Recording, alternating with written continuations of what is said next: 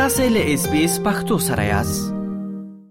د اس پی اس د پښتو خبرونه محترم اوریدونکو ستړي مشي رحیم الدین اوریا خیلیم له افغانستانه تاسو ته د افغانستان او سیمې د تیر یوې اونۍ مهمه پیښه وړاندې کوم هیله ده چې تر پایه مې ملتیا وکوی. د منځني اسیا یو شمېر هېوادونو تېره اونۍ هند کې د افغانستان امنیتي وضعیت په اړه ناسته وکړه. په دې ناسته کې د تاجکستان، ازبکستان، ترکمنستان او د قرغزستان هېوادونو د ملي امنیت سلاکارانو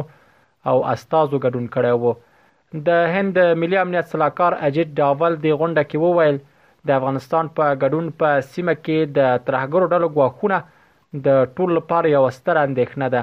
هغه وویل د تروریزم مالي ملاتړ او د تروریزم پر وړاندې ګډه مبارزه باید د ټولو ګډ هدف وي. دې غونډه کې د تاجکستان د ملي امنیت سلاکار نصرالله محمودزاده د افغانستان وضعیت پیچلی وباله او ویې ویل مرکزي اسیا کې ورانوونکي افراطیت د رشد په حال کې دی د قرغزستان د ملي امنیت سلاکار مارات ایمان کولوف بیا د افغانستان اوسنی وضعیت ته په اشاره سره وویل د حال د سیمې په سولې ثبات او امنیت اغیز کړی دی که څه هم په دې غونډه کې په افغانستان کې د ترهګرۍ د ګواښ په لمنځه وړلو ډیر بحث وشو خو له دې سره سره د ازبکستان د ملي امنیت سلاکار ویکتور محمدوف وویل افغانستان باید منځوي نشي ځکه اوس مهال په افغانستان کې سولې ته د رسېدو لپاره ستراتیژیک امکانات او فرصتونه شته. سره له دې چې دې غونډې ته د طالبانو کوم استازی نه و وربلل شوی، خو د دې ډلې مرستیال ویاند له ملي راډیو تلویزیون سره په خبرو کې ټینګار وکاوه چې حکومت یې د سیمې او ګاونډیو هېوادونو سره رغنده اړیکې غواړي هغه وویل چې له افغانستان نه د ترهګرۍ ګواښونو په اړه اندېښنې ناسمې دي او په خبره یې اوس په افغانستان کې بشپړ امنیت دی.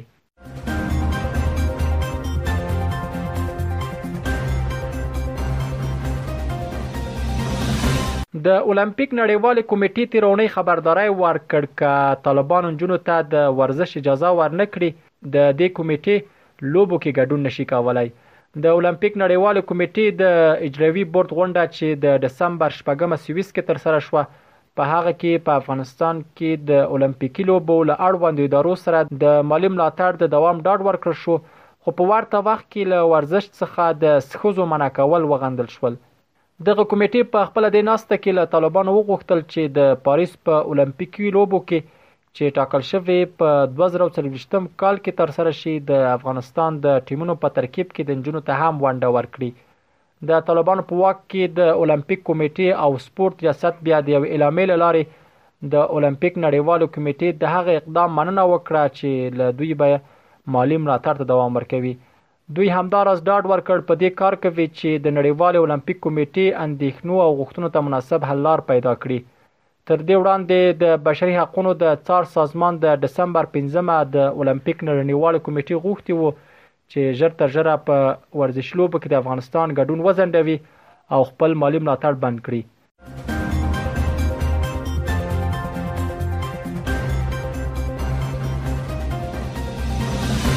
وسله والو طالبانو تېره اونۍ د خپلو لوړپوړو مشرانو او خلکو په حضور کې د لومړي ځل لپاره د قصاص حکم اجرا کړو. د قصاص په یاده غونډه کې د طالبانو د ریاست الوزرا مرستیال ملا عبدالغني برادر ترڅنګ د دې ډلې د سترې محکمې مشر، د بهرنیو، کورنیو، امر بالمعروف، عدلیې او پوهنې سرپرست وزیرانو ګډون کړی و. طالبانو د یو اعلامیه په خبرولو سره وویل قصاص شوی کس د فراه د انجین ولسوالۍ د جلوارجا کلی اوسیدونکی و چې د مصطفی په نوم د فراه ولایت د پشتکو ولسوالۍ اوسیدونکی د چاقو په وسیله وژلی و. اعلامیه کې ویل شوي ول چې پر یاد کس دغه حد د مقتول د ورثاو په غوښتنه او د دریګونو محاکمو له لوري تر څیړنو او د دوی د مشرتابه له تایید وروسته جاري شوی دی. د قصاص دغه پیښه کې محکوم شوی کس د مقتول د پلار لخوا په درې ډزو وویشتل شو پر افغانستان د طالبانو تر حاکمیت وروسته دا لومړی ځل ده چې د شرعي حدودو د پلي کولو په لړ کې د قصاص حکم اجرا کیږي لدې یو ورځ وروسته بیا طالبانو د پروان ولایت په مرکز چاریکار کې وویشت کسان د اخلاقی فساد غلا او لکوره د تیښت په تور عام محضر کې په درو ووهل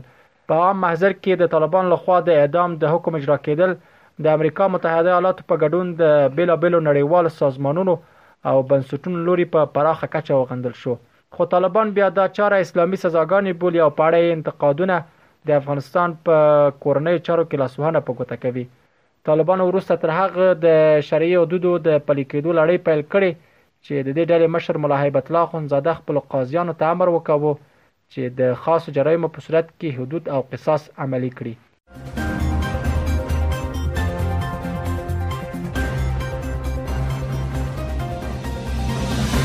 د افغانستان لپاره د امریکا ځانګړي استازي توماس فیسټ تیر اونۍ متحده عربي اماراتو ته د خپل سفر په ترڅ کې د طالبانو د دفاع له سرپرست وزیر او د افغانستان د پخواني ولسمشر حامد کرزي په ګډون له څو افغان سیاسي مشرانو سره وکتل. توماس ویسټ په خپل ټویټونو کې د دغه کتنو په اړه لیکلي ول چې دغه مشرانو ورته وویل چې افغانان له طالبانو غواړي چې د ښځو او انجونو حقونو ته درناوی وکړي او د هیواد د راتلونکي په اړه د افغانانو ترمنځ خبرې پیل شي هغه همدارنګه لیکلي ول چې د طالبانو د دفاع وزارت له چارسمبالي سره د لیدنې پر مهال په افغانستان کې د بشري حقوقو خرابېدونکي وضعیت په ځانګړي توګه د ښځو او نجونو په اړه خبرې وکړې. توماس ویسیت په ابوظبۍ کې له افغان سوداګرو سره د لیدنې پر مهال د بانکي راکړې ورکړې پر ننګونو هم خبرې وکړې او د ستونزو هواری یې د طالبانو د مالي او پولي تګلارو له سمون سره تړلې مسله وباله.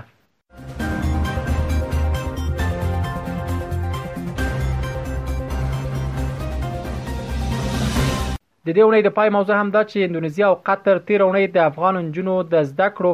او د ښځو د حقونو د ملاتړ په پار د یو نړیوال کانفرنس قربانه ول چې په هغه کې د ښوونځیو د پرانیستو او د اوږدمهالې سولې لپاره د افغانانو د خپلمنځي خبرو ملاتړ پکې وشو په دغه دوه ورځنی ناسته کې د امریکا، پاکستان، نیوزیلند، ناروې او متحده عربي اماراتو په ګډون د شلو هیوادونو استازو ګډون کړی وو. د افغان ښځو او بشري حقونو لپاره د امریکا ځانګړي استازې رینا امیري او د پاکستان د بهرنیو چارو وزیر بلول بوټو هم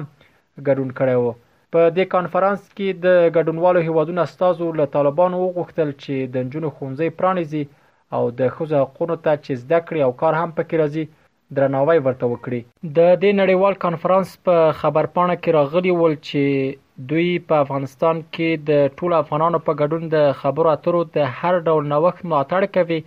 چې په دغه هیواد کې د تلپاتې سولې، ثبات او خلکو ته د خدمت کول زمینه برابره شي. پر افغانستان د طالبانو بیا واکمنیدو راهیسې دا لومړی ځل و چې د افغان نجونو او ښځو تعلیم د حق په ملاتړ قطر او اندونیزیا په ګډه نړیوال کانفرنس را بللی وو دا په داسې حال کې ده چې دا د نږدې 350 ورځې وشوې چې طالبانو له شپږم ټولګي پورته د نجونو پر مخ د ښوونځیو دروازې تړلې دي دا اول د افغانستان او سیمې د تیر یوې اونۍ مهمې پیښې چې ما تاسو ته وړاندې کړې تر بیا ښې چارې اس پی اس پختو په فیسبوک کې تا کې پلی مطلب یو فاک کړئ نظر ور کړئ او له نورو سره شریک کړئ